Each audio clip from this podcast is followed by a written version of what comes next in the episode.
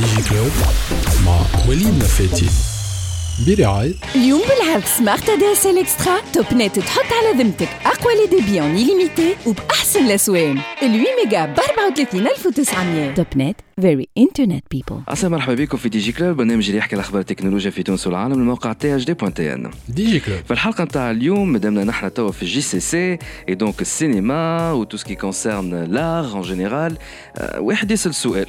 à quoi ça sert les JCC à quoi ça sert واحد باش يحكي دونك على لي سال دو سينما وقت اللي انت توا عندك بالسمارت فون تنجم تتفرج في اللي تحب عليه مع لير دو نتفليكس فينالمون اسكو مازال حاجتنا بسال دو سينما ومازال حاجتنا بالجي سي سي السؤال هذا باش نسالوه الواحد مختص هو سي ان اكسبير في الاندستري كرياتيف مي بار دوسو تو توا il est le directeur de Pathé Tunicity دونك شنو هو Pathé Tunicity وشنو رأيه في الموضوع؟ هذا اللي باش نسمعوه اليوم من ضيفنا سي أحمد أمين عزوزي ديجي كلوب بودكاست.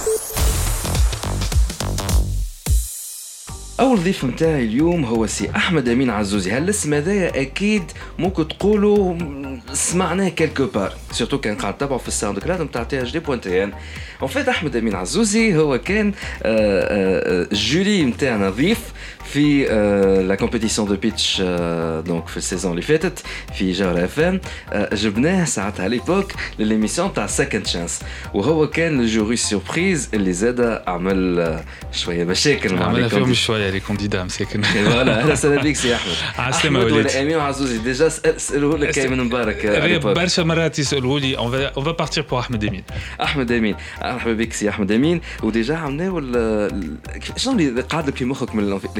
l'expérience à Taramel déjà, Man the Beach voilà, encore une fois, les candidats, à chaque fois, le regard, ah, vu que c'est second chance, donc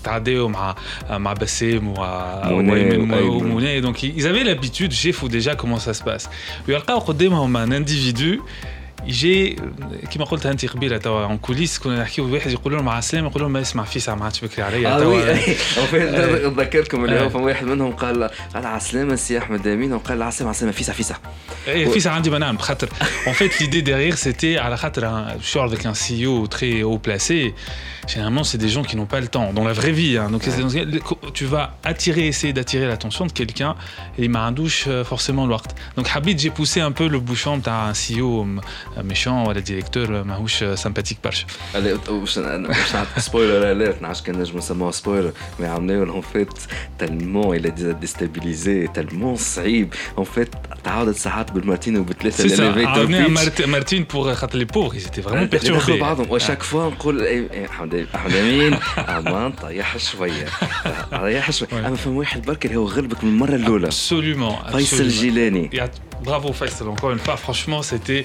Il m'a perturbé parce que je m'attendais pas du tout à sa réaction. كان باش نذكركم شوية اون فيت هذاك التيك الوان الوحيده اللي تعملت. مم. هو طلع معاه كوم كوا طلع معاه في خدمة في الاستديو نتاع الراديو. أحمد أمين قالوا آه عسلامة سي أحمد أمين أنا فيصل الجيلاني قالوا ديجا فو مونتيها كاليتاج ليه خدتك ونسى فيصل الجيلاني في الآخر؟ قال وين باش طلعتي انت نهبط معاك؟ اسمع لي عشان اكسلونت ريبونس لي عشان دقيقه خاصني في قدام لاسانسور عندي بروجي طيارة. وين قاعد ساعتها في الكونسول؟ وأنا نضحك؟ شيخ نضحك. Il a eu de Théo Tayara. ليه طيارة؟ فيصل الجيلاني. امسي بالخير. بركة عليهم الكل هما عليك. excellents. سيتي ديفيسيل على فان تذكر ساعتها جماعة. بس دخلوا دخلتوا في حاجة ما تعرفوهاش قصيتها راني في المونتاج. راهو جماعة برسمي تعاركوا على شكون باش يتعدى. في الأخر فضيناه خاطر نورمالمون حقهم باش يتعداو ثلاثة وواحد يخرج. في الأخر بالرسمي ما تفضت إلا ما عديناهم الأربعة وطيحنا ساعة الجون بيتش ل 3 مينوت مش يقعد 5 مينوت. بلحمة عركة لحمة عركة. في أي. الاستديو ما عديتهاش. راني انا مي بون انت ما جيتنيش على ذا بيتش هاك واحد ذكر الزمن الجميل كما تقول الزمن آه، الجميل. يقول آه، ديجا على الزمن الجميل والسينما المصرية وكل شيء نحن تو في البريود نتاع جي سي سي est plein dedans. ouais. كما يقولوا توانسه جي سي سي بلوتو GCC. الجي سي سي آه، قبل ما ناخذوا الجي سي سي وأنا طرحت السؤال في الانترو نتاعي اكوا سا سير مانون جي سي سي جي سي سي. جي سي سي اكوا سا سير لو جي سي سي وأنا نمشي قاعد السينما وباش نتفرج في فيلم دونك أنا عندي معناها سمارت فون un ordinateur, une tablette. On a Netflix, à quoi ça sert euh, Mais vu que Entitawa, vous êtes le directeur de Pathé Tunis City, et donc ça a... L'éliminer à fouche, pâté. Hein. Tout à fait. Ouais. Donc, elle va s'ouvrir, Inch'Allah, fin décembre. Après, si tout se passe bien, Inch'Allah, on, on, devrait ouvrir fin décembre. Voilà, les en fina, moi je c'est quoi pâté? C'est quoi pâté? Alors, pâté le mec là euh, Pâté, moi je mec là, moi je le mec là, hata tarf. Euh, pâté, c'est un grand groupe, euh, groupe Kbir, fi, euh, fi France, en Europe hein, en fait. Hein, c'est un des acteurs majeurs fi Europa, fi toute la, sur la, toute la chaîne de valeur de cinéma.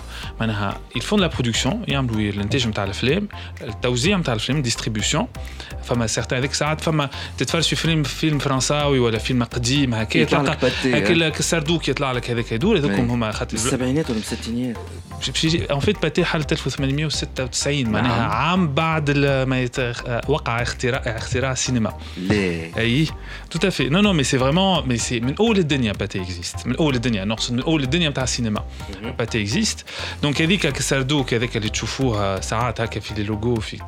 تفرجوا في الشين فرنساويه ولا ان فيو فيلم اي ايزون اوسي وهذاك شنو اللي قاعدين توا باش يعملوه في تونس آه، معانا على خاطر سي ان بارتنير اون ا بري لا مارك سي ان بارتنير معانا سي با مش هي الشركه تقعد شركه تونسيه سي ان بارتنير معانا باش يعاونونا الاكسبرتيز نتاعهم في الاكسبلوتاسيون تاع السينما معناها كيفاش تو جير اون سال دو سينما ملي يدخل الكليون اللي يخرج الكليون بور كيل اي اون اكسبيريونس جوستومون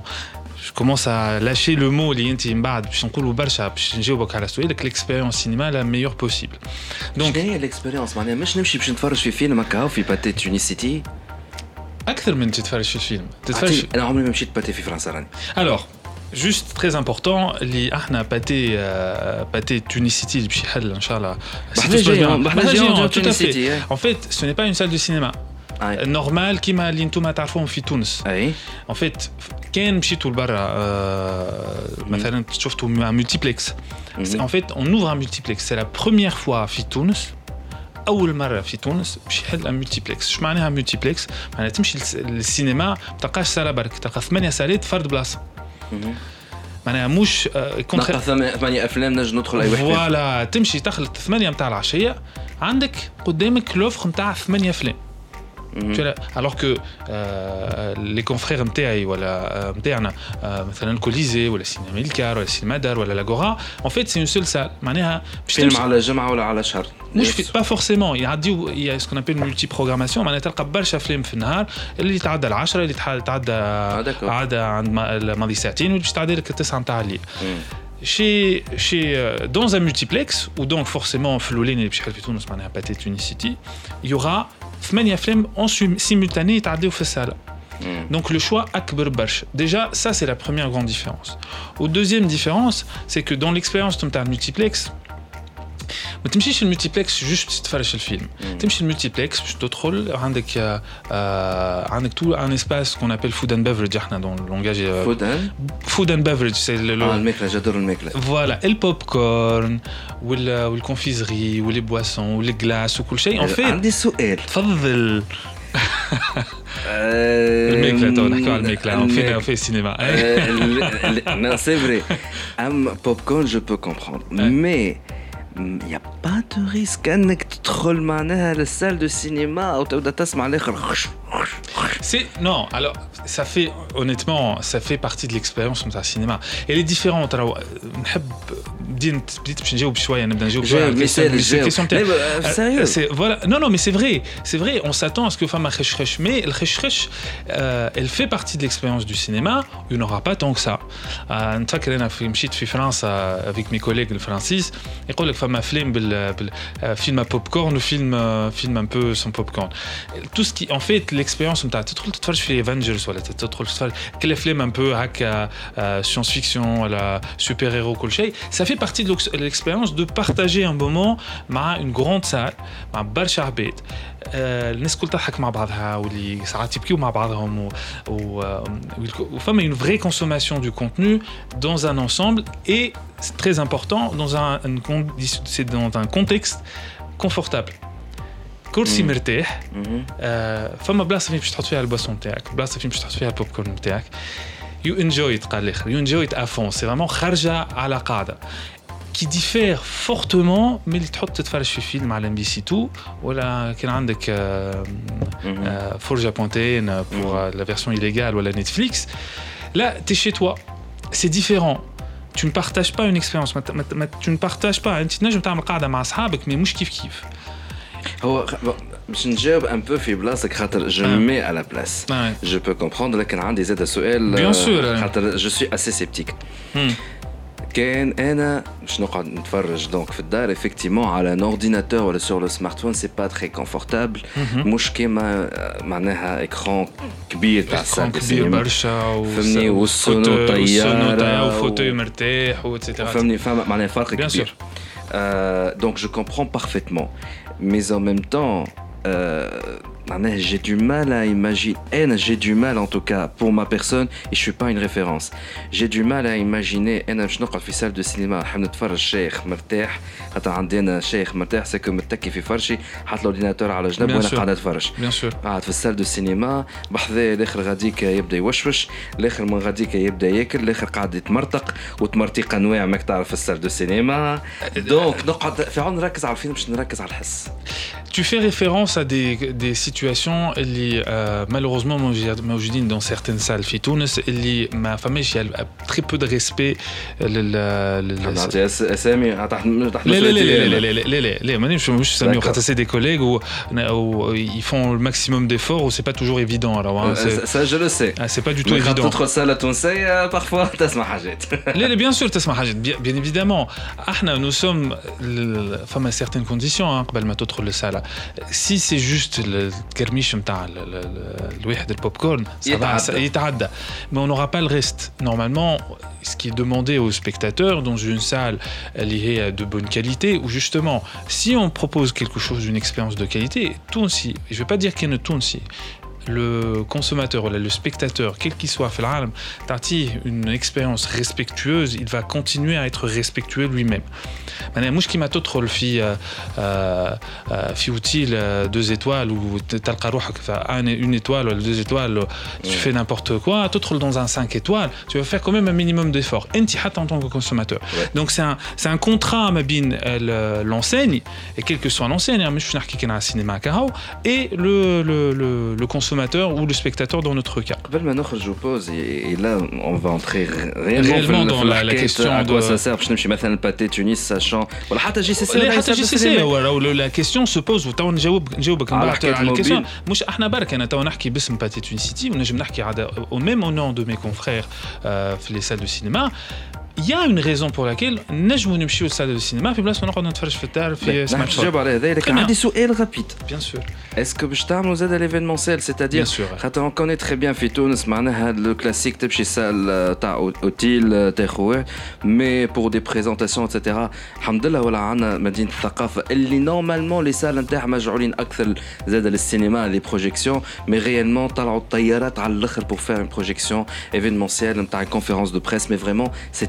c'est excellentissime. Mhm, mhm. euh, Tout vous n'êtes pas dans le monde des médias, mais vraiment, c'est une aubaine. Si, nous sommes un média aussi. Hein. Euh, non, hein. je parle à l'IS Manfine, mais c'est vraiment une aubaine pour nous, les journalistes, et pour les, entreprises, pour faire un peu de, de, de, de l'événementiel. Radik, Tasma Mlih, Tchouf Mlih à l'écran. Est-ce que Fipaté, Tunis City, il y aura la même chose? On va proposer les entreprises la possibilité de venir privatiser nos salles.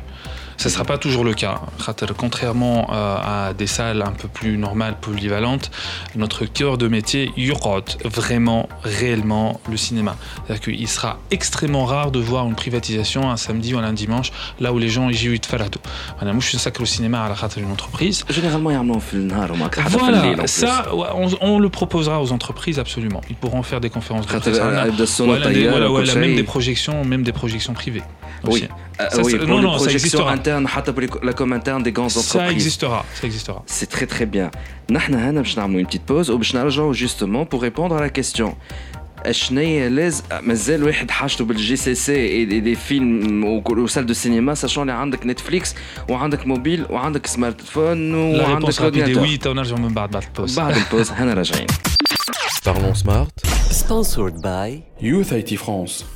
Bonjour et bienvenue dans ce nouveau numéro de Parlons Smart, votre rendez-vous hebdomadaire du groupe USIT. Pour ceux qui ont suivi mon dernier podcast sur la plateforme de gestion Wi-Fi sécurisée, vous devez savoir que celle-ci apporte une solution innovante de gestion de flux d'appels et navigation Internet en même temps, tout en réduisant les coûts d'installation et exploitation. Beaucoup d'entreprises comme les hôtels et les cliniques ont une seule problématique, c'est comment migrer leur câblage RJ9 en RJ45 en évitant l'important coût de la rénovation. Dernièrement, le propriétaire d'un hôtel nous a contacté cherchant une solution urgente et rapide à son réseau téléphonique. Cet hôtelier cherche en effet moderniser et sécuriser sa téléphonie afin de l'intégrer dans son système d'information et ses applications métiers, ce qui implique un changement de câblage. Désespéré, il nous a expliqué qu'il n'a pas réussi à trouver une solution pour migrer sa téléphonie analogique à la voie IP, à part bien sûr le passage par une gateway qui coûte relativement cher lui permettant de garder son ancien parc de téléphone analogique, mais sans vraiment profiter de toutes les fonctionnalités et avantages d'une solution IP. Pourtant,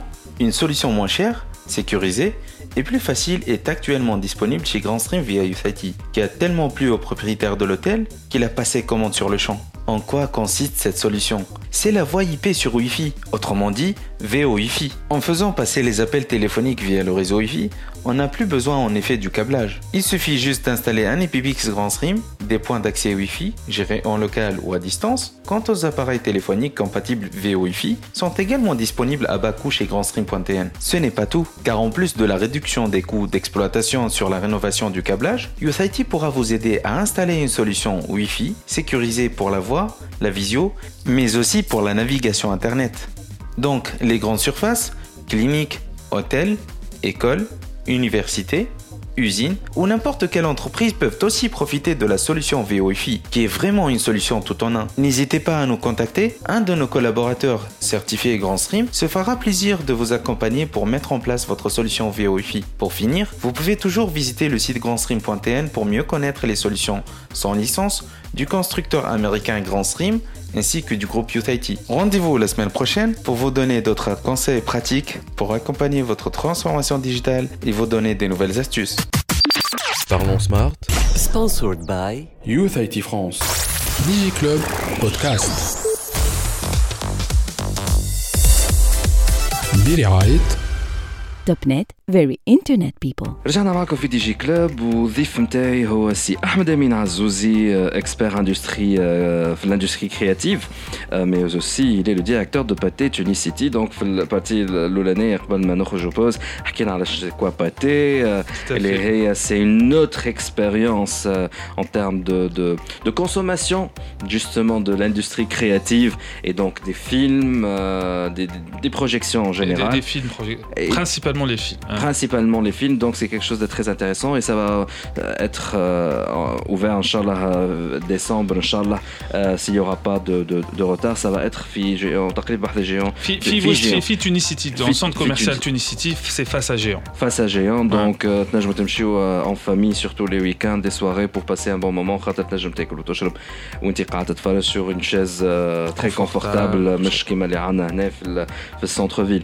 Ceci étant dit, donc طرحنا السؤال اللي à quoi ça sert d'ouvrir une salle de cinéma حتى لو كان avec la qualité Dolby Surround 7.1 نعرفش 7.1 Dolby 7.1 l'écran je sais pas quoi وانا عندي mon smartphone وعندي نتفليكس وعندي ان اورديناتور واموري هاني علاش باش نتنقل نمشي غادي تو وليد انا باش نحط الكاسكيت انت من الاول سورتو نحن في جي سي سي تو سي فري nous sommes في جي سي سي et euh, je pense que la fréquentation des JCC donne un, un, une première réponse les en fait en fait ce qu'il faut savoir c'est que j'ai pas les chiffres de cette année mais presque euh, on est jusqu'à 20 à 30 de la fréquentation cinéma تصير في جمعه نتاع جي سي سي في تونس والعباد تبدا تشد الصف وتاخذ في التساكر وكل شيء دونك انا انا توا je vais justement je vais te faire une réponse avec ma casquette نتاع les industries créatives قبل حتى ديريكتور حتى حتى قبل ديريكتور de Pathé Tunicity c'est-à-dire que je vais parler حتى au nom de mes confrères les autres salles de cinéma voilà pour les industries créatives Mtsifarama en fait ce qu'il faut savoir c'est qu'il y a un premier principe dans l'histoire des médias, le média dans le sens support, hein, support média, il euh, y a une règle qui dit que aucun support média ne remplace un support média lirable. La chose, la chose, peut-être la seule, le seul cas, c'est la presse écrite papier, le seul et unique. Voilà, il se cherche. Il se cherche un, un peu. Pour ah, bah, juste pour te donner Haja, les années 50. قالوا جات تلزم باش تقتل الراديو ليه قالك جات تلزم باش تقتل الراديو وقالت جات تلزم باش تقتل السينما السينما مازال توا موجود والراديو بيان ايفيدامون تنجم تنحى كل واحد الكرينو نتاعو Exact, exa- exactement. كل واحد والكرينو نتاعو. C'est-à-dire que le créneau نتاع نتفليكس ولا le créneau نتاع التيلي ولا le créneau نتاع السينما ولا سمارت فون ou la smartphone ne sont pas exactement les mêmes. On cherche, ce qu'on disait tout à l'heure, bah, le pause, on cherche des expériences différentes. Donc chacun, le même contenu, hein, tu te fais une vidéo, tu te fais فيها de, de, de 4 manières différentes selon l'écran en ligne type Donc en soi, c'est différent. Deuxième point, pour appuyer choix et les en fait, ce qu'il faut savoir, c'est que situation اللي تحكي عليها انت ال- معناها les nouveaux modes de consommation surtout le cinéma, la salle نتاع السينما. En fait, ce qui s'est passé في les années 90, effectivement, في العالم أجمع مش تونس هكا في العالم أجمع في تونس c'était très euh, c'est presque une hécatombe صارت juste ما خاطر برشا سالات سكرت mais في les années 90 اللي صار انه la télé par satellite a augmenté donc les chaînes payantes كثروا donc l'offre des films à la télé كثرت خلطت وراها آه، les DVD خلطوا وراها les DVD والبيراتاج نتاع DVD مع ال- مع l'émergence نتاع internet في fin des années 90 jusqu'à à peu près on est en 2005 où YouTube ظهر là les gens se disent bon bah la salle de cinéma نبداو نسكروا mais en fait non ce qui s'est passé c'est complètement l'inverse il y a des études qui montrent euh, qui ont été faites à la fin des années 2000 et les- le piratage tenez-vous bien, hein, je suis contre le piratage, tout ça, tout ça. hein. Dans les industries cré- créatives, c'est un désastre. Mais le piratage a fait que l'arbed rajat le cinéma dans les salles de cinéma. Ça redonne envie d'aller voir des films dans des conditions différentes. Où il y a eu shift kbir dans l'industrie de l'exploitation cinéma, même bien les années 90, début des années 2000 et fin des années 2000 et fin des années 2010. Le shift اللي صار ما عادش نمشي للسينما باش نتفرج في الفيلم معناها l'acte d'aller تتفرج في السينما c'est pas pour découvrir un film على خاطر t'as complètement la possibilité d'aller le voir piraté ou pas dans des euh, واحد sur de, sur le digital دونك اللي س- فينالمون لو بيراتاج اللي الناس الكل تجدق به لبرا برا البرا يقول لك البيراتاج هلك لاندستري وخسرنا فلوس وماشان تروك فينالمون عنده دي بيان في il a eu des bienfaits et je peux pas dire il y a eu que deux enfin il a Il n'y a avait- pas que des bienfaits, on est bien d'accord. Voilà, على خاطر et c'est- c'est un manque à gagner. C'est un manque à gagner, les ayants droit, ما عندهمش ما- فلوسهم ما تدخلش. Cependant, il y a toute une catégorie, et généralement c'est les jeunes, اللي ما عندهمش un argent de poche, ou n'ont pas la capacité de payer, ou d'ailleurs c'est un phénomène اللي صار في تونس, ils vont découvrir ou redécouvrir les films اللي بشي يبدا يتفرج لك في باتمان اللي- الباتمان الثالث اللي خرج نتاع نولان ذا دارك نايت ذا دارك نايت رايسز هذول كان اسمه Le jeune qui a 18 ans, مشى يتفرج فيه, je pense que c'était en 2014, ولا- je sais plus quand est-ce qu'il est sorti. En fait, en 2008, il a peut-être piraté Batman Begins.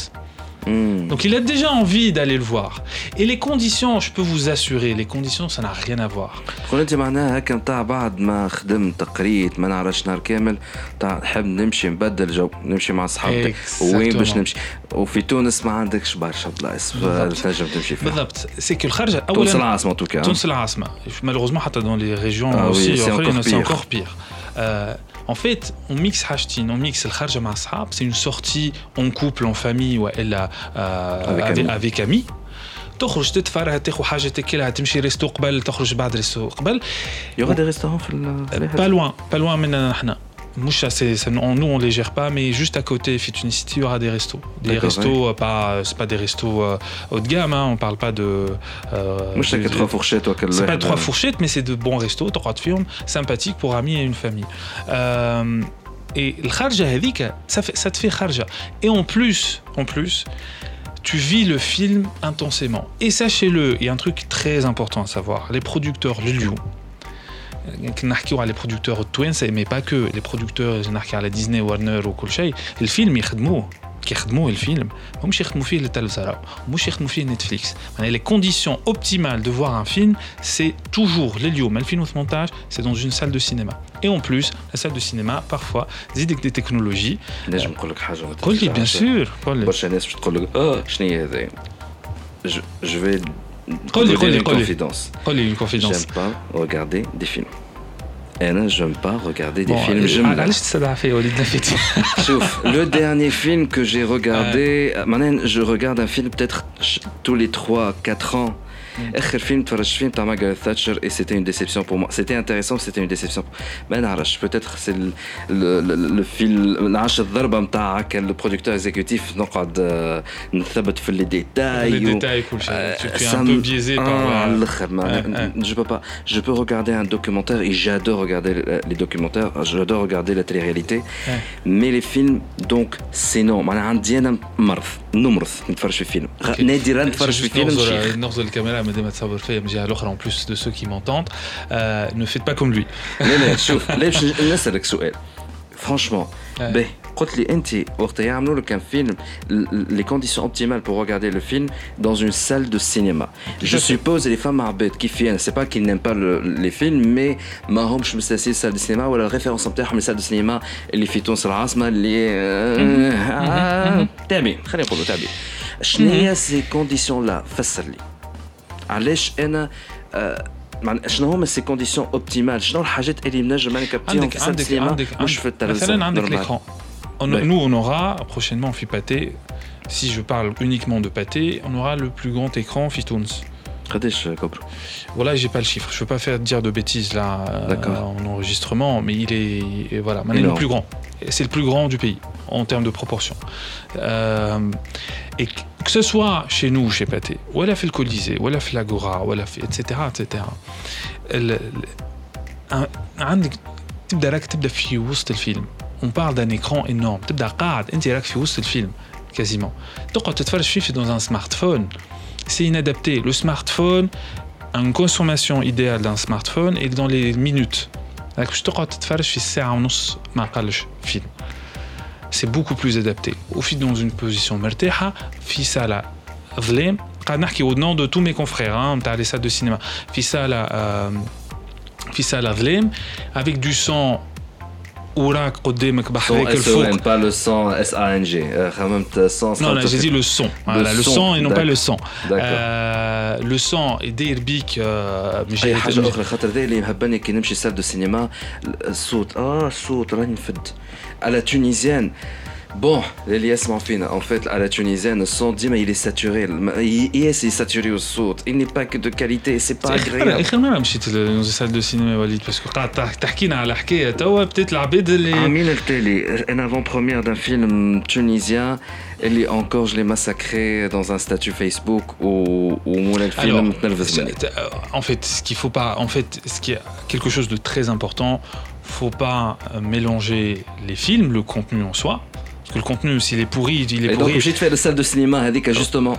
Voilà, c'est- si, si le contenu est pourri, que tu le regardes sur c'est pas les smartphone ou à pourris, mais Netflix, encore mais حتى الصوت في السال دو سينما كان تاعب Bon, ما نعرفش ما نعرفش أيوة. de quelle salle tu parles, c'est pas la peine de la nommer, mais euh, je pense que mais il y a du en plus, ce qu'il faut savoir aussi c'est que les autres salles, بوخلفنا احنا احنا bon احنا c'est on est une nouvelle salle, deux nouvelles salles, oui une nouvelle salle. Donc le sang احسن ما فما وكل شيء احنا باش نحطوه من الاول. Mais nos collègues aussi, nos euh, nos confrères, ils font, ils ont prennent parfois des subventions من عند CNCI pour remettre un petit peu à jour les, euh, les ma- le matériel qu'il a qu'ils ont, pardon. Donc, هذا الكل باش نقول لك راهو une expérience dans une salle de cinéma est différente. Une di- est totalement différente. C'est que le film, أنا أنا mais personnellement j'ai vu des films آه، ما دمنا نحكيو على des expériences personnelles أنا des films قبل ما حتى ندخل dans le- le- l'exploitation cinéma تفكر des افلام شفتهم في الدار نتفليكس مش يا نتفليكس ولا ستارز بلاي هكا جي فيو ان بيكسار هكا في في تليفوني معناها نتفرج فيه alors que je l'ai vu 2 3 ans plus tôt euh, surtout dans la salle de, une salle de cinéma في باريس ça n'a l'émotion n'a strictement rien à voir Ah bon حتى l'émotion حتى la manière avec les... parce que tu es conditionné dans une salle de cinéma tu es conditionné لا عندك notification تقلقك لا امك تجيب لك آه، تقول لك بربي هابط شي جيب لي آه، خبزه آه، حتى même si tu te mets les conditions في الدار tu n'as pas les conditions qui قلت لك قبيله les conditions optimales de visionnage et pourquoi pas les séries en fait ça serait con de mettre une série dans une salle de cinéma c'était stupide Mhm. Bon, ça veut pas dire qu'il y en a des séries qui pas Matjivnich, mais, mais c'est une série télé, voilà, une série Netflix est faite pour la télé ou Netflix. Donc elle est faite pour que انت تتفرج فيها غادي. كيستيون بيت اسكو تنجم سال دو سينما تعدي لك مثلا كل جمعه سيري اكسكلوزيف لا هي تعدي لك كل جمعه ابيزود Je pense qu'il y aura, je pense que dans le monde, je pense pas Fitoun on va le faire, mais je pense que dans le monde, il y aura des gens qui vont le tester. Mais économiquement, ça n'a pas de sens. Allez. Économiquement, ça n'a pas de sens. À la خاطر une salle de cinéma تمشي لها تمشي تمشي لها تمشي تتفرج في l'épisode si t'as pas envie de تتفرج في l'épisode ثاني وتعمل le rattrapage tu vas peut-être tu vas la rater في le, في le cinéma Mm. donc pour l'exploitant de la salle de cinéma il prend des risques Mm. il prend des risques de ne pas avoir les gens au Mabidom et il va fidéliser. معناها في ال- في le cinquième épisode, il est assuré de ne pas remplir la salle avec de nouveaux euh, spectateurs. Donc pour lui, mettre ses à douche. En fait, il faut que l'expérience euh, soit renouvelée à chaque fois pour qu'on On est s'assure avec que... l'ère du, du Facebook et de, de créer des événements Facebook et des groupes Facebook.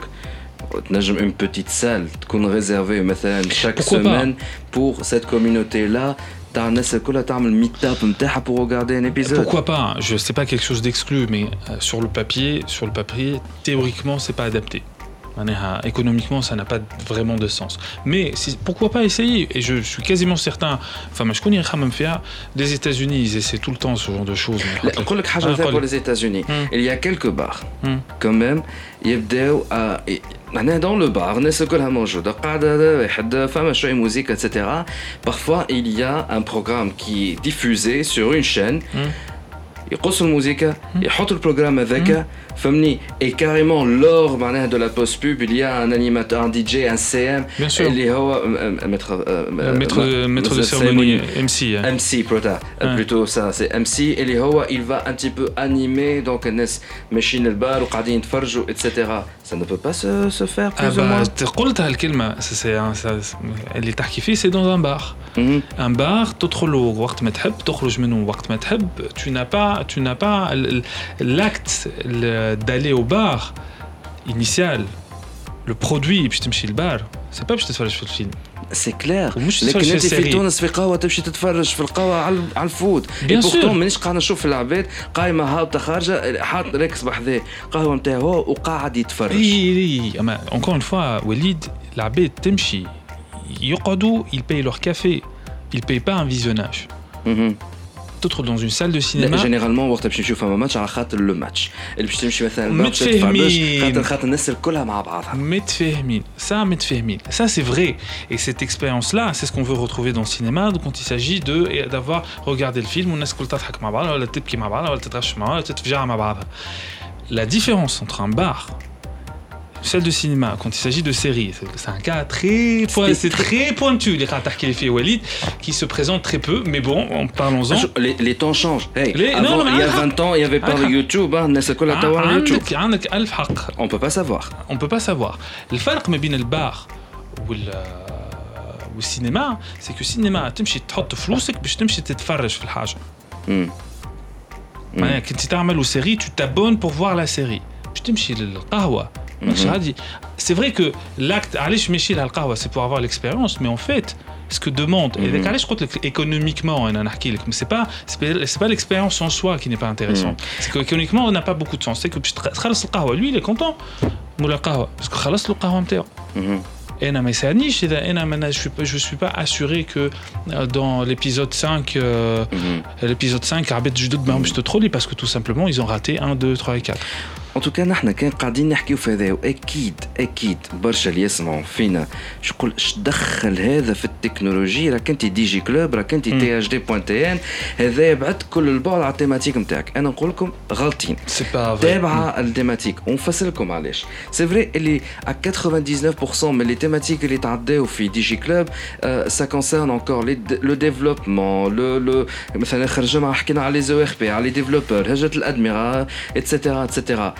مي راهو فما حاجه اسمها لاندستري كرياتيف كي اي ان تروك تري بيزار جاي في الوسط نعطيو ليكزامبل مثلا تاع تي اش دي دي جي كلوب باي ذا واي THD.tn, c'est une c'est un site d'information donc يقول قاعد انا تابع secteur de la presse mais complètement tu es tu fais de l'industrie créative mais c'est en une même industrie temps créative elle a le fonctionnement تاعي c'est comme tout à fait une start-up et je suis معناها sur Tout à internet ديجي كلوب لو فورما نتاعو هو عاطي اكثر على اون ايميسيون تاع توك شو في راديو ولكن لو فونكسيونمون نتاعو exactement comme une start-up على الانترنت دونك راهو ردوا بالكم راهو وقت تخلطوا تخلطوا لاندستري كرياتيف وقت تقول لاندستري كرياتيف مش حتى لا بريس سينما لا ميوزيك لو جو فيديو غاز غاز l'ingénieur son مثلا donc حتى des projets dans le domaine de la création artistique des sons de l'habillage sonore c'est l'art numérique aussi l'art numérique راهو تحط ساق في حاجه اسمها donc l'industrie créative si tu peux les mettre au pluriel parce qu'elles sont nombreuses, les, les industries, industries créatives. créatives le mode de fonctionnement le fonctionnement classique de l'industrie créative, les maisons de prod, etc. Ou avec cette couche digitale très importante et l'internet fait que il y a le volet startup fonctionnement de la startup où tu as روحك ما بين الزوز. انا مش نخرج نحن باش نكمل نحكيو فيها مي pour être pour vous faire encore une confidence. Par exemple, pour trouver mon chemin avec THD et avec tout ce que je suis en train de faire, puisque comme le français, j'ai le cul coincé entre deux chaises. Je sais, normalement, hmm. heureusement, je suis sur un podcast et je peux dire ce que je veux. Mais. Mec soumis à un régulateur. Un régulateur. Mais franchement, il m'en a fallu presque 10 سنين باش نجمت نلقى روحي نلقى le juste milieu entre ces deux mondes. Justement, la question que je vais poser, ou que je vais bien aller à bas de pause, je veux créer une start-up. Mhm. Et je suis un artiste. Mhm. Que ce soit domaine du cinéma. start-up entre guillemets bar. Entre guillemets start-up café. Sky is the limit. Quelles sont les erreurs à éviter? Est-ce que déjà c'est viable? Est-ce qu'on peut déjà dire que c'est une start-up où elle et là, c'est la casquette à l'expert en industrie créative اللي باش يجاوبني احمد امين عزوزي لكن هذا كله بعد البوز. موبايل اند اي تي عسلامة ومرحبا بكم في موبايل اند اي تي معكم خليل تيتوحي نتقابلوا كيف العادة باش نجيب لكم كل ما هو جديد في عالم التكنولوجيا أو لي زوبجي كونيكتي. اليوم باش نحكيو على الذكاء الاصطناعي وكي نحكيو على الذكاء الاصطناعي نحكيو على جوجل وين طور مؤخرا الجوريتم ينجم يعرف لي ريستورون اللي كيف تمشي لهم تنجم تمرض. الالغوريتم هذا عن طريق كوليك دو دوني يعملها جوجل للمستعملين نتاعو ينجم يعرف قائمة المطاعم اللي ما تحترمش قواعد حفظ الصحة. قام جوجل بتجربته في مرحلة أولى في مدينة شيكاغو وعطى نتائج هايلة. الألغوريتم هذا اسمه فايندر وزيد على أنه ينبه الحرفاء من قائمة المطاعم هذه. يبعث نفس القائمة للسلطات اللي تسرع المراقبة الصحية. 52% من المطاعم لقاهم ما يتحترموش قواعد حفظ الصحة. هوني جوجل طلع إفيكاس أكثر بثلاثة مرات من فرق المراقبة الصحية. وكان يجيبوه لتونس المطاعم تاعنا الكل تسكر. وكيف ما يقول المثل اللي تلموا نملة في عام يطب جمل فرد ضربة. كان هذا كل شيء بالنسبة اليوم في موبايل إند أي نتقابلوا إن شاء الله المرة الجاية. في لمان وباي باي.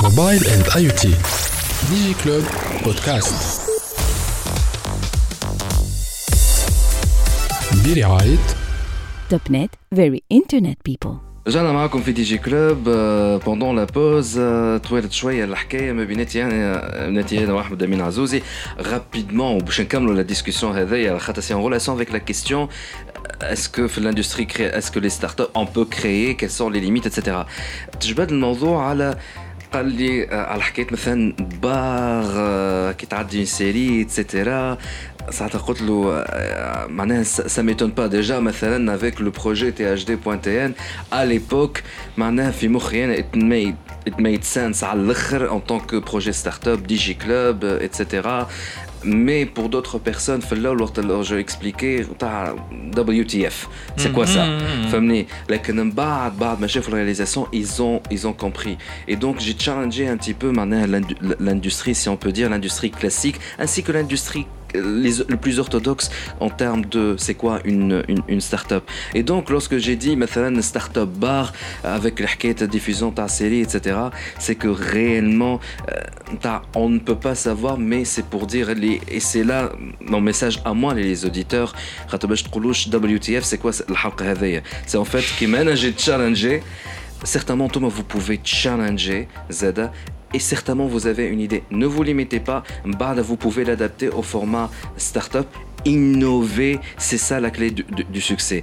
Les j'entends au sujet par rapport euh, مثلا على encore تجبد الموضوع نتاع diffusion d'une série dans une salle de cinéma etc وفما حاجه en fait اللي نذكركم في سيف عملناه والسيف اللي قبل قبل ما ستارت اب اللي كانت اون روبريك معنا نحن بتي بودكاست اللي هو قبل ما يمشي للراديو جوهر اف ام devient une émission à part entière جبنا كارنيك كولترز بودكاست فروم دبي هبه ساعتها جات بحذانا وعم مروان عملها انترفيو اي دورون لونجسترومون معناها في لي كوليس قالت اللي كارنيك كولترز وديجا بنمشيو على الساوند كلاود تلقاو كارنيك كولترز سي تري انتريسون il donne la, la, le micro à des personnes qu'on n'entend pas disons il raconte des histoires et c'est تحفون البودكاست هذايا à l'américaine c'est fait à l'américaine نحن c'est un peu ديجي كلوب ما بين راديو وبودكاست même le format نتاعو est différent قالت لي حاجه معناها قعدت باهت فيها en fait elle a formé une petite communauté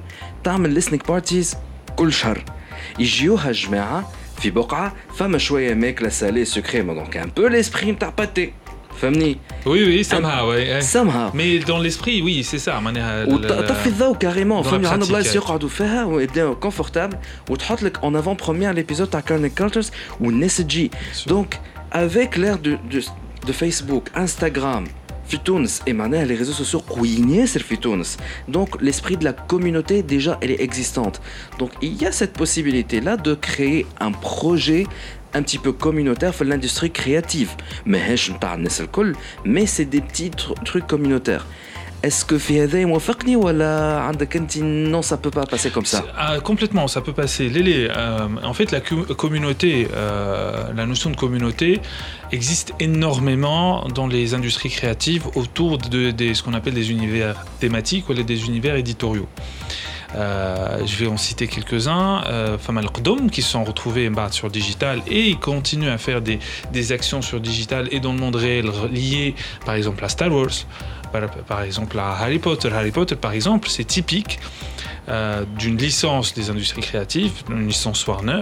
Euh, تبدا من الكتاب تتعدل للفيلم فما une communauté des communautés sur internet Il y a عملوا بارك كاريمون d'attraction عملوا parc d'attractions. Il y a des gens qui font ce qu'on appelle fan fictions. Il y a des gens qui écrivent sur Internet la possibilité avec des e-books, hein, je me tabatte, des fans qui réécrivent, voilà, écrivent des épisodes de Harry Potter qu'on n'écrit écrit pas la, la euh, J.K. Rowling, معناها l'auteur l'auteur نتاع la- الكتاب.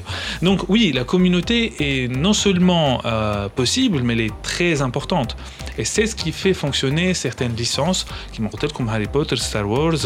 euh, euh, House of Cards, Casa de tout ça, ça existe grâce à ça. Et est-ce qu'on peut en faire une start-up? Parce que je pense que c'est une des questions du Pchigi ou.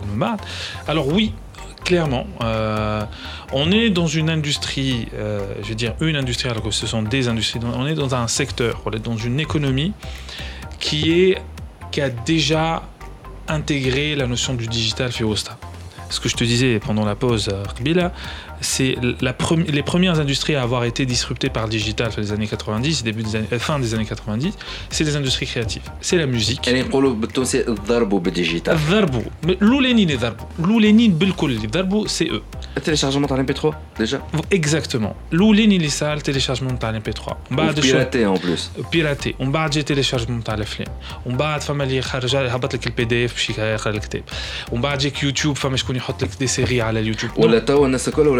تسمع لك من اليوتيوب الاغاني ولاو لي لي شانتور يهبطوا لك بارفوا اون افون بروميير اي لا فيرسون سينجل سو ليريكس Mais Vidéo tu fais, lyrics. c'est parfait. Là, tu, tu me fais une super transition. Allez, à la khater, l- ce sont des industries qui ont su s'adapter.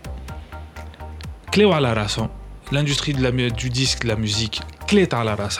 celle du film. Euh, euh, pourquoi je vous dis ça peut marcher une salle de cinéma et continuera à marcher. C'est qu'elles sont ce sont des industries qui ont su s'adapter.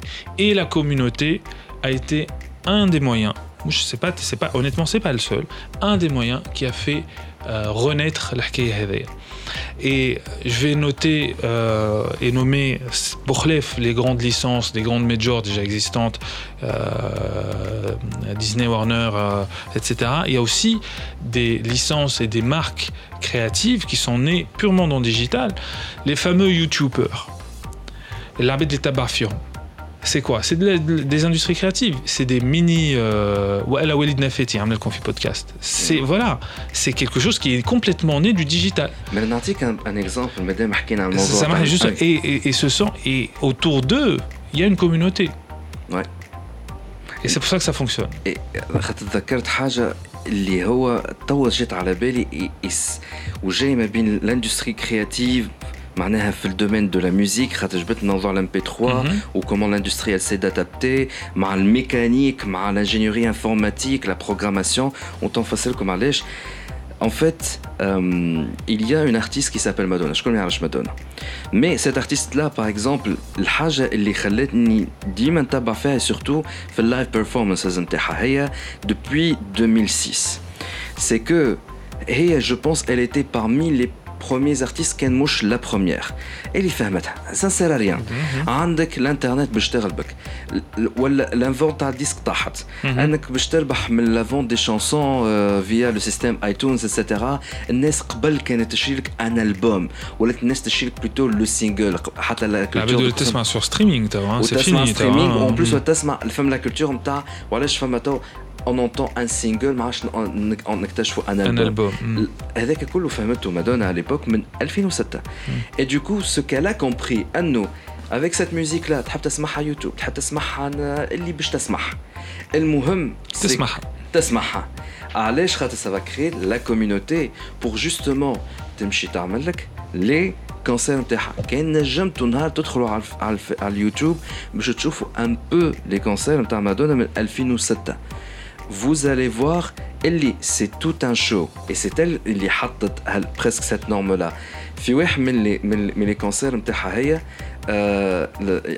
هكا الستيج نتاعها سي لو ماتريكس هكا طالعين هابطين في وسط ال يا ان دوكيومونتير اللي مشاو شا- صوروا كيفاش تعمل لو ستيج il y a une entreprise اللي هي euh, elle a fait toute une ingénierie mécanique et informatique pour pro- programmer tout ça et donc forcément que les ingénieurs, ils peuvent aller dans le secteur AD, non? Euh, plus que ça, euh, s'ils sont euh, Lyon les secteurs Adouma. Je vais nommer deux secteurs, euh, hmm. deux sous-secteurs des industries créatives. Mm. Avec la, on va dire peut-être la start-up la plus connue du monde des industries créatives et qui cartonne à fond hein, en ce moment, c'est tout bêtement Netflix. Oui. Faut pas oublier, hein, c'est Netflix, c'est numéro un, fait de le digital, euh, tout ce qui est vidéo, euh, payant. que l'Amérique est c'est le top top 2 euh, en termes de, de consommation de bande passante de tout un pays YouTube. YouTube, YouTube. il et voilà, il partage bah, YouTube le top de la consommation de la bande passante chez Malika. Mm. Netflix, il fonctionne avec une armada d'ingénieurs. Je je avec les recos. يعمل لك ال- l'intelligence artificielle ou le machine learning باش يعمل لك الريكومونداسيون تاعك انت باش pour te pousser ce contenu. وعلاش il te pousse le contenu الفيل تاني pour te fidéliser باش ترجع على نتفليكس باش ما تنحيش l'abonnement تاعك et te proposer le meilleur contenu disponible selon tes goûts. Tout ça, c'est quoi Mhm. C'est des ingénieurs. Quand Mhm. juste ils fait les contenus à Keka, ça n'a aucun sens. Netflix ne serait pas Netflix. En d'autres termes, si je suis un ingénieur, لازمني نبدا نمشي déjà الباتي تونسيتي ديك تحل باش نتفرج على مرحبا الافلام بكم. الكل Hein لازمني معناها en d'autres termes je dois être entre guillemets un artiste non. لازمني consommer برشا des produits artistiques Non. pour réussir et Mm. créer une start-up dans le domaine artistique Non, pas du tout. qu'est-ce qu'il faut faire En fait, euh, il faut, première étape, il faut accepter le fait que euh, c'est pas parce que Max a une, grande entreprise énergétique, voilà, une grande entreprise pharmaceutique, voilà, une grande entreprise IT, que tu ne fais pas quelque chose qui peut fonctionner et qui fonctionne très bien. Les industries créatives, c'est euh, des choses qui génèrent beaucoup, beaucoup d'argent une fois que ça, fonctionne correctement. Euh, L'important, c'est de comprendre les enjeux derrière technologiques. Aujourd'hui, je me rappelle, moi je suis passé par Canal Plus à un certain moment dans ma carrière. Euh, je me rappelle, les gens, ils disaient, ils a- euh, et moi je suis de formation ingénieur hein, d'ailleurs, hein, ce qu'il faut, euh, euh, moi aussi, enfin, quelque part ça me parle énormément. Donc j'avais face à moi, j'a- j'arrivais à comprendre les enjeux d'un contenu, de la temporalité d'un contenu, de la manière avec laquelle les gens consommaient un contenu vidéo. Mm. Et j'avais face à moi des, mar et des marketeurs, ils comprenaient exactement la même chose. Sauf que ENA, contrairement à eux, je comprenais exactement le CDN qui était derrière, le flux qui était nécessaire derrière, la connexion qu'il fallait avoir, le, le, les, euh, langages de développement. À l'époque, c'était la montée de HTML5. Donc, euh, tout ce qui je mets le marketing, je mets hein, euh, la création de la vidéo, je l'interface HTML5 pour que le client puisse avoir la possibilité de choisir facilement. Je ما بين هذه والاخرى يقول لك يغزر Bon, c'est vrai que HTML5 دخلت dans les usages, mais à l'époque, c'était pas le cas. Je m'en ai indexer un contenu. En fait, les ingénieurs, non seulement ils vont, apporter, ils vont euh, aider ces industries à se développer, mais en plus, avec leurs connaissances, ils vont, et pour répondre un peu à ta question, ils vont apprendre aux artistes, aux créatifs, la manière avec laquelle ils doivent fonctionner. Parce que les opportunités qui sont ouvertes par le digital. C'est pas l'artiste, c'est pas le créatif. Et avec le temps, avec l'exercice, l'ingénieur, il va devoir euh, comprendre comment ça fonctionne. Mais ceci n'empêche un ingénieur pour sa culture générale, ce serait bien qu'il regarde des films et écoute de la musique. Hein, c'est pas. Je suis pas vraiment d'accord. كلامك صحيح اما مش با فريمون داكور على خاطر بيسكو انا حاط ساق في الدومين هذايا et avec des choses que vous allez découvrir inchallah bientôt et vous allez peut-être comprendre au début de l'année prochaine. J'ai eu affaire avec des gens techniques ou هما يخدموا في الدومين artistique. Mais il y a encore ce problème de communication. Les ingénieurs, ils sont très cartésien, euh, très euh, carré, façon de penser, euh, un peu à l'algorithme. L'artistique, ça part dans tous les sens. Et parfois, je, je suis obligé d'être de faire l'interfaçage entre ces deux mondes. Oui, un artiste qui a une idée, hmm. hmm. ça part dans tous les sens, c'est juste qu'il faudra l'organiser. Famni et puis transmettre ça, les techniques. Qui est très carré. Qui est très carré pour faire la réalisation. Et justement, normalement, elle, par exemple, pour mon cas, je suis pas appelé à faire ça, mais je suis obligé de le faire pour que est-ce qu'on peut dire donc qu'il y a un métier manquant dans l'industrie créative شخص والا le profil اللي يفهم اللونجاج تاع الهبله هبله فهمني نتاع ان ارتيست مش نقول معنا les artistes مهبولين mais c'est ça راهو être créatif c'est être créatifs et pourtant ils sont enfin c'est un autre sujet mais ils sont très organisés lorsqu'il s'agit de leur travail par contre oui, mais en termes de création, et c'est tout à fait normal, si tu testes des choses et ça part dans tous les mm. sens. Alors je te réponds tout de suite, hein, il manque un profil. Il manque un profil. Ou l'ingénieur qui doit s'adapter. Non, non, non, il manque un profil. C'est quoi ce profil Alors, il, il manque un profil euh, c'est un profil euh, qui, euh, que, qui existe, par exemple, Fitoun, hein, il y a ceux qui passent par l'ISAM. je prends le cas, je nomme l'ISAM c'est des gens qui connaissent les deux cas dans leur école, même s'ils passent par le cycle ingénieur, euh, ils ont déjà vécu le côté artistique, ce qu'il faut, la création, etc. Et la même chose pour ceux, les créatifs, le cycle créatif qui ont vécu avec les ingénieurs. Donc ce profil, non seulement existe, mais, euh, mais par contre, il n'est pas encore totalement valorisé Fitouns. Il existe vraiment ailleurs. Euh, je peux vous assurer que les grands films Disney ou la Pixar, euh, le président de Pixar, qui vient de pas très longtemps, Ed Catmull, et je sais pas, il n'y a pas longtemps même Pixar. Vous savez ce qu'il a fait? Chez nous formation C'est un pur ingénieur informatique. Pur ingénieur informatique. Nahar men et du coup, comme ce qu'il faut faire à Z, c'est que c'est l'artiste de s'adapter et à l'ingénieur de s'adapter. Ed Catmull, les fins des années 70, John Lasseter, le grand créatif de Pixar. Ils ont créé ensemble Pixar. Mhm. Et c'est l'alliance, je ne vais pas dire parfaite, mais c'est une alliance extraordinaire et qui a complètement changé la face du cinéma d'animation dans, dans, le monde. Armboubier a le premier film en pur 3D. Euh, mhm. C'est un pur ingénieur, Ed Catmull. Là, je le développe, hein, il sait que faire ça ou un pur créatif qui a été formé dans les studios Disney mhm.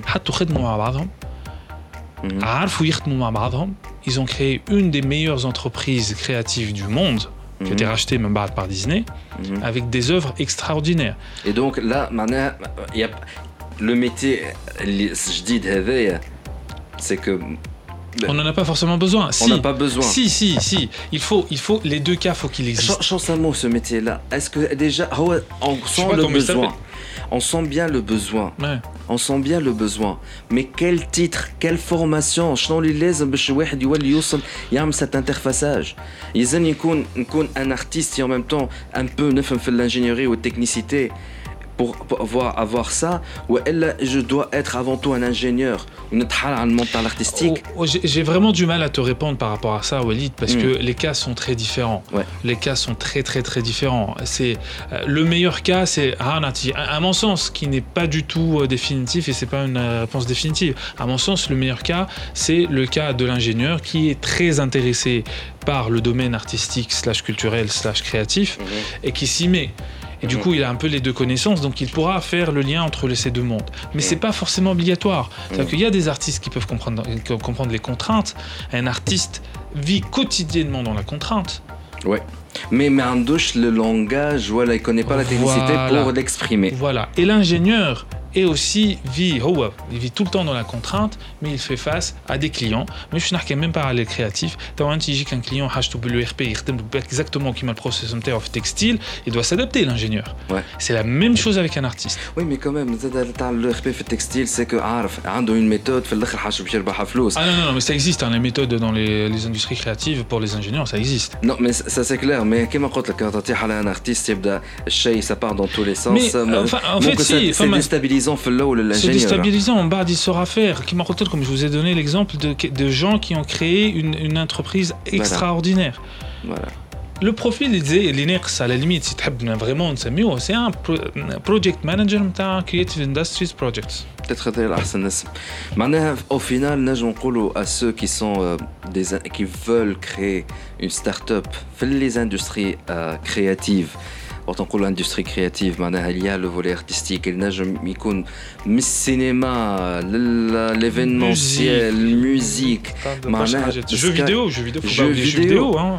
The sky is the limit كانكم ناويين تحبوا تعملوها كان ع- vous êtes des ingénieurs tech slash techniciens فاهمين عندكم la technologie في يدكم le savoir-faire technologique it's a big plus mais faites l'effort انكم تدخلوا le monde artistique pour comme ça تسهلوا le fait انكم vous traduisez ces idées de génie ces idées cré- créatives en, en un projet euh, TIC اللي هو يولي لك une start-up نجم تربح منه فلوس en gros c'est c'est ce qu'on peut dire À peu près, oui, c'est ça. C'est exact- Non, non, mais c'est ça, c'est exactement ça. Voilà. Donc, si Ahmed Amin Azouzi, directeur, euh, c'est déjà expert en industrie euh, créative, déjà, il va les. كان نقعدوا مع بعضنا نحكيوا Là, on والله de souhait, نقعدوا un souhait, نقعدوا c'est شوية un على الفوق. vaste sujet, les industries créatives. Hein, c'est pas. Voilà, donc euh, déjà euh, vous êtes le directeur donc, de Pâté Tunis City, اللي باش يتحل très très bientôt euh, du côté de Tunis City, donc euh, partagé. hein. آه، بحث جيان آه، اللي يحبوا يكتشفوا اكثر يشوفوا فماشي دي زوبورتونيتي دو بولو دو ترافاي باش يعرفوا ياخذوا لي ديرنيير انفورماسيون وين نجموا ياخذوهم لي انفورماسيون هذوما Alors, انا الباج نتاعنا sur Facebook, c'est la خاطر السيت مازال ما حلش. Page نتاعنا Facebook, vous tapez Pathé, euh, P-A-T-H, euh, E accent aigu, mm -hmm. Tunicity qui est ma Tunicity, euh, Talkhanon sur Facebook, on commence à diffuser quelques infos euh, sur à quoi ressemblent nos salles, puis ouais. progressivement. Et euh, des, des, des, appels à... et, des, des, appels absolument, des appels à candidature pour certains postes qu'on est en train d'ouvrir en ce moment. Effectivement, donc ça, ça pourrait être très intéressant les comptes parce que je en collaboration même avec Pathé Tunis City. Si Ahmed Azouz, Azouzi, merci beaucoup d'avoir accepté notre invitation. يعطيك الصحة Surtout merci à نحن في toi. آخر أيامات نحن نسجلوا تو في آخر أيامات الجي سي سي donc ça tombe pile poil avec euh, cette question là j'espère que ça vous a beaucoup intéressé الحلقة هذيا آه، نحن on va marquer une petite pause et après on va revenir pour la dernière partie de l'émission باش نحكيو مع مدام عواتف آه، رياحي آه، ونهى جعفر زوز من آه، من جروب جي دي جي تونيزي الاولانيه باش تحكي لنا دونك ان ايفينمون تري بيانتو دو كوتي دو بيجا الثانيه دونك في في تونس اقعدوا معنا de la pause et vous allez découvrir tout ça. Tout de suite. En direct d'Alger. Bonjour, bonjour. En direct d'Alger. Aujourd'hui, ce numéro est dédié aux incubateurs. Comme chacun le sait, un incubateur est une usine à produire des entreprises. Bien sûr, d'aucuns diront, bien sûr, d'autres diront des emplois. Oui, d'accord. Mais ce sont des entreprises que l'on incube pour qu'elles puissent rémunérer ses propriétaires. Pour cela, il faut qu'elle, l'entreprise, puisse dégager des bénéfices. Pour avoir de gros bénéfices, on recrute. Oui, ok.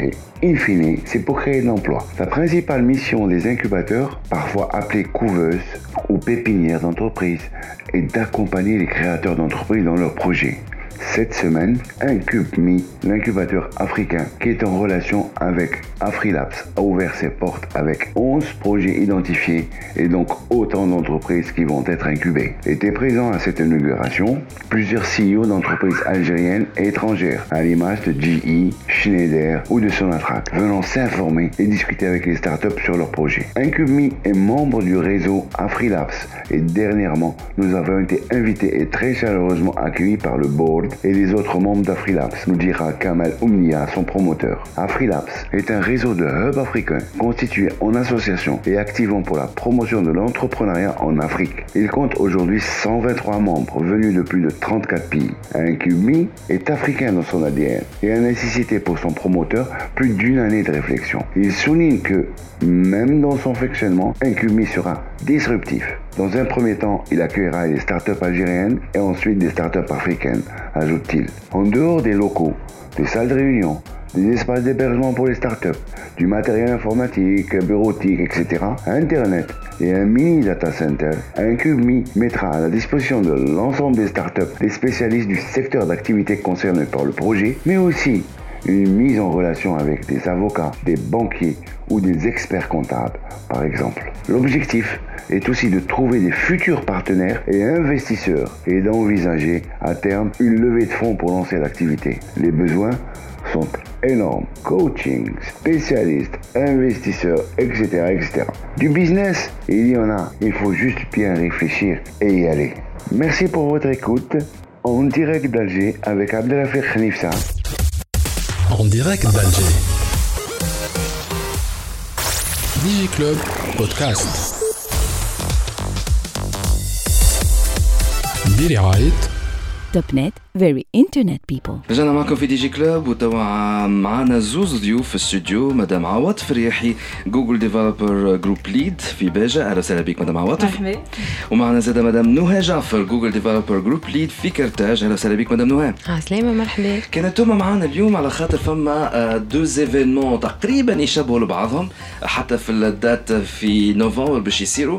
آه، باش نبداو بالأولاني اللي باش يصير إن شاء الله لو 18 نوفمبر لو ديف فيست ا بيجا مدام عواطف قبل ساعه ما نحكيو على جوجل ديفلوبر جروب ليد جروب ليد سي كوا دونك لو جي دي جي شنو ليفينمون هذايا آه، اللي باش يصير لو 18 نوفمبر في بيجا DevFest Beja euh, est notre euh, conférence annuelle euh, euh, qui dure euh, toute la journée et qui propose des sessions, des conférences sur différents domaines des produits. واللي هما أكثرين les produits نتاع Google euh, les Firebase, Android, euh, machine learning, euh, euh, local guides اللي باش نحكيو عليه إن شاء الله euh, cloud computing. Euh, la journée sera divisée en sessions et discussions durant la matinée et en workshop euh, العشية إن شاء الله l'après-midi. تري بيان وين باش يصير في بيجا بالضبط؟ في الانستيتوت سوبيريور دي لونغ ابليكي انفورماتيك في بيجا اللي هي الزلاب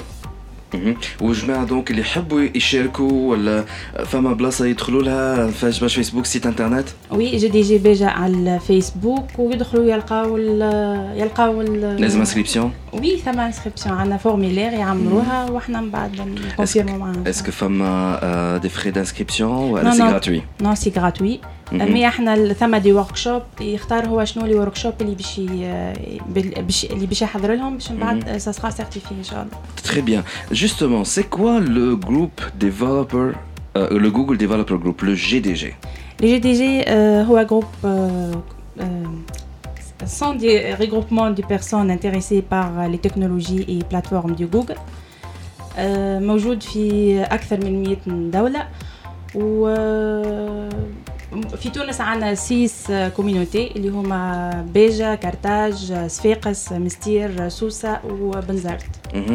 و- وشنو اللي تعمل بالضبط تعطي دي سيرتيفيكاسيون سي كوا Oui, en fait, euh, on a des study jam نعملوهم. Les study jam هما des sessions euh, certifiées euh, des sessions certifiées من جوجل و gratuit. خاطر en fait كي نحكيو على les certifications نتاع جوجل في الاندرويد ولا في ماشين ليرنينغ ولا ما- ما- بالفلوس نعم. à travers des GDG euh, ça sera gratuitement. Très très bien, bah, c'est excellent. معناها أنا نجم ناخذ une certification من عند جوجل آه، في الديفلوبمون اندرويد نوتامون Oui. سي سا من غير ما ندفع حتى فلوس جو سري سيرتيفيي وكل شيء آه، ولا ولا فما حاجة Non non gratuitement. جراتويتمون En fait عملنا عملنا ستادي جام تاع كلاود كومبيوتينغ كلاود كومبيوتينغ بالفلوس. وإحنا معناها بعثوا لنا ليان الليان هذاك أعطينا لاكسي لي زيتيديون ودخلوا عليه وخذوا دي. سيرتيفيكاسيون قداش من واحد من باجا بينيفيسي من البروجرام هذايا تقريبا فما 20 10 20% 20 بيرسون دوبوي من وقتاش بديتوا؟ février 2018 هو قريب قريب معناها oui C'est déjà très bien. Est-ce que Femme a beaucoup de demandes du côté de Beja, du côté du nord-ouest en général وي سيرتو في بيجا حنا ناقصين برشا في الدومين تكنولوجي وميم حتى لي زيتيديون اللي يقراو في الايزات ولا في الليزلاب يقراو ال- Mhm. ماني ناقصين في لي تكنولوجي و... دونك الجي دي جي هي المتسعه نتاعهم باش. ينشطوا ولا باش نجيبوا لهم إحنا دي سبيكر معناها قاعدين يجيو دي سبيكر ولا كي تقول لهم بيجا يقول لك والله لا. والله لا بالعكس آه. أنا با مال دي فوا مع إن نعمل دي سيسيون في عملوا جوجل اسيستنت وماشين ليرنينغ وجاوني دي سبيكر جست تحكي معاه يقول لك بيجا أنا نجي وما يقلقنيش وما تعطيني حتى شيء وما حاجتي بحتى فري Mhm, ça c'est très bien. Et si il y a un prof, un cadre sup يسمع فينا ويحب يشارك بأي حاجة, comment il peut faire ينجم يكونتاكتينا على الميتاب جي دي جي بيجا ولا على على أي ميساج شعطي الميل أي جي دي جي بوان بيجا جيميل بوان كوم Très très bien. Mais quelles sont les autres demandes نتاعكم انتوما notamment مثلا آه، شنو هو les autres thématiques اللي ناويين تعملوهم آه، très prochainement et pour lancer un appel s'il y a moyen de lancer un appel pour que des pour des speakers ou à des personnes pour vous aider. Est-ce qu'il y a un programme plus ou moins هكا pour les prochains mois هو ان فيت احنا ثم لي ستادي جام ان شاء الله سا سخا لونسي باغ جي دي جي ديفلوبر بيانتو Mhm. خاطر احنا خدمنا عليه السنه ديجا هذه اخر ايفينمون دي فيست في في ال- في ال 2018 2018 ايوه سي لو تيماتيك دي جوجل معناها اندرويد فاير بيز كوتلين excellent très très bien madame نهى جعفر انت Oui. تسعى بلوتو من جي دي جي من جماعه الجي دي جي في كرتاش Oui. آه، ساعة آه، قبل ما زاد تحكينا على جي دي جي كارتاج معناها شنو اللي تعملوا باراب خاطر الناس الكل باش تقول سي لو ميم جروب جي دي جي مي جو سوبوز اللي كل واحد عنده سا بروبر استراتيجي سون بروبر تروك اللي يخدم فيه آه، انت كان معانا اليوم على خاطر il y a aussi un dev fest Oui. جاي très bientôt بعد le 18 نوفمبر في باجة آه، اما على نهارين le Oui. 24 et le 25 نوفمبر Oui. في البرج دو لاك Oui. باهي D'accord. Donc le DevFest GDG euh, Carthage se tiendra le 24-25 novembre au complexe SMU qui englobe l'MSB, METEC ou Lac 2. Oui, le Lac 1, Lac 2. Lac 2, Lac 2, très bien. Donc euh, on organise un hackathon. Euh, donc le matin, on a programmé des sessions Tech Talk avec nos speakers, avec des spécialistes. on aura, Inch'Allah, un Google Developer Expert, Mahana. euh, et euh, l'après-midi, il y aura des workshops et on va lancer le hackathon qui va durer 24 heures. On va lancer la thématique le jour même. Donc, euh, pour inviter des شو نعرف étudiants. التيماتيك Ça, ديجيتال شنيا well-being. Ah, mais Well-being. bon, voilà, maintenant, c'est un peu ça. C'est euh, grosso modo, c'est ça. Mais après, on va un peu euh, essayer de diriger les participants vers euh, quelles technologies ils vont utiliser. ah ça c'est Donc, bien hein. Voilà, donc euh, L'appel sera fait, euh, Inch'Allah, la semaine prochaine. On est en train de finaliser le programme. Donc, à part les TikTok, les workshops.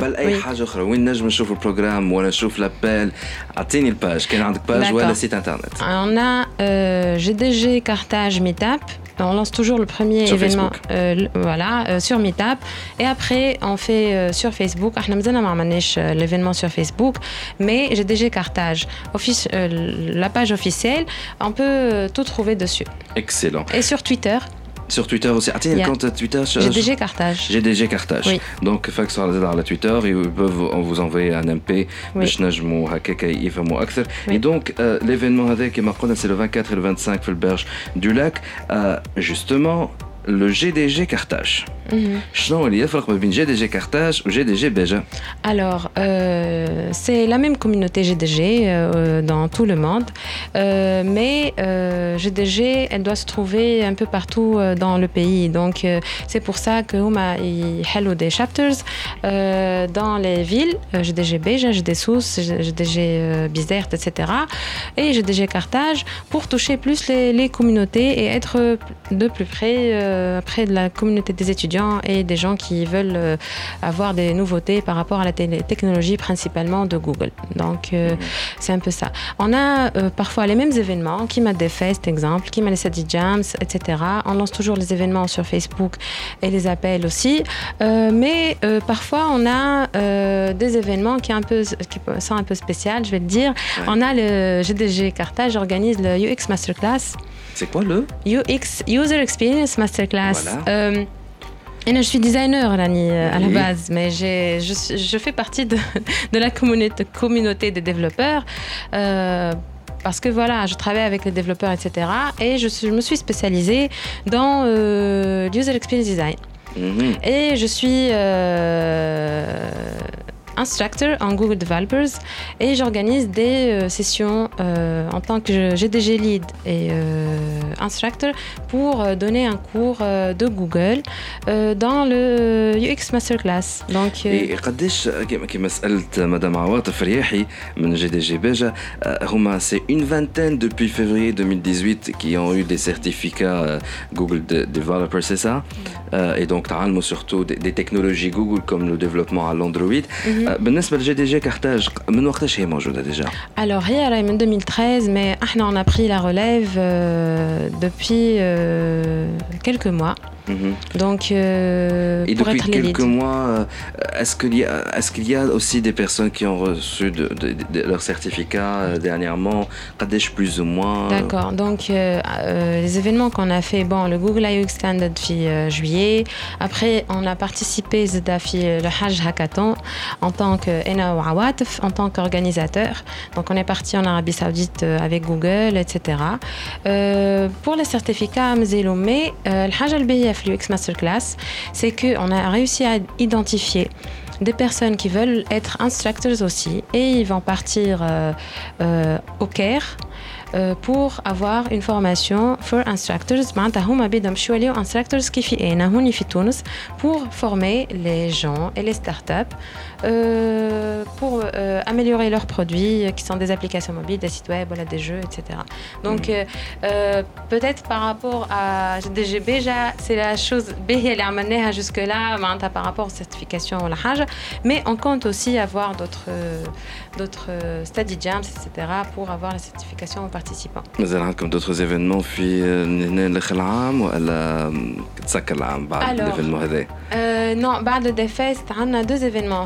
l'événement au Caire qu'on mhm. organise avec GDG Caire, euh, GDG Carthage, mhm. et un autre événement tout de suite, euh, le 15 et le 16, un autre UX Masterclass. 16 décembre. Oui, 15 à 16 décembre. Mhm. Donc, à notre UX Masterclass for Startups. Mhm. Donc, on va partager. L'événement, il est créé sur Meetup. Donc, on va le partager sur les réseaux sociaux mhm. pour que, les startups s'inscrivent avec leurs produits et euh, viennent euh, bénéficier de cette formation de deux jours euh, en UX Design. Excellent, très très bien. Donc, rapidement? La page Facebook de GDG Carthage C, Madame Noha Jaffer. GDG Carthage. À le Facebook, sinon GDG Carthage Z زاد على التويتر Oui. مدام عواد فرياحي آه كنذكروا بالباج تاع جي دي جي بيجا في الفيسبوك GDG Beja على الفيسبوك GDG Beja على تويتر و GDG Beja على انستغرام سي اكسيلون دونك vous avez المعلومات الكل آه، ما تنساوش دونك le 18 novembre des fest à Beja دونك تنجموا تمشيو غاديكا et vous allez découvrir le programme زاد en plus ou sinon des fest au Berge du Lac le 24 et le 25 novembre اللي معاهم un hackathon مدام عواد فرياحي جي دي جي آه، بيجا جي دي جي دونك جروب ليد c'est ça le, le poste Euh, de Google Developer Group Lead, euh, Google Developer Group Lead, voilà. Beja, merci beaucoup d'avoir accepté notre invitation. Madame Nouhé Jaffer, Google Developer Group Lead à Carthage, merci beaucoup d'avoir accepté notre invitation Merci aussi. pour l'invitation. Et Inch'Allah, nasma alaikum, barsha hajat bahia et beaucoup de formation et surtout de certification. Merci beaucoup. هذا اللي عنا جمعة هذه في دي جي كلوب آه نتقابلوا الجمعة الجاية باي باي ديجي كلوب مع وليد نفاتي برعاية اليوم بالعرض سمارت دي اس ال إكسترا. توب نت تحط على ذمتك أقوى لي ديبي اون ليميتي وبأحسن الاسوان ال 8 ميجا ب 34900 توب نت فيري انترنت بيبل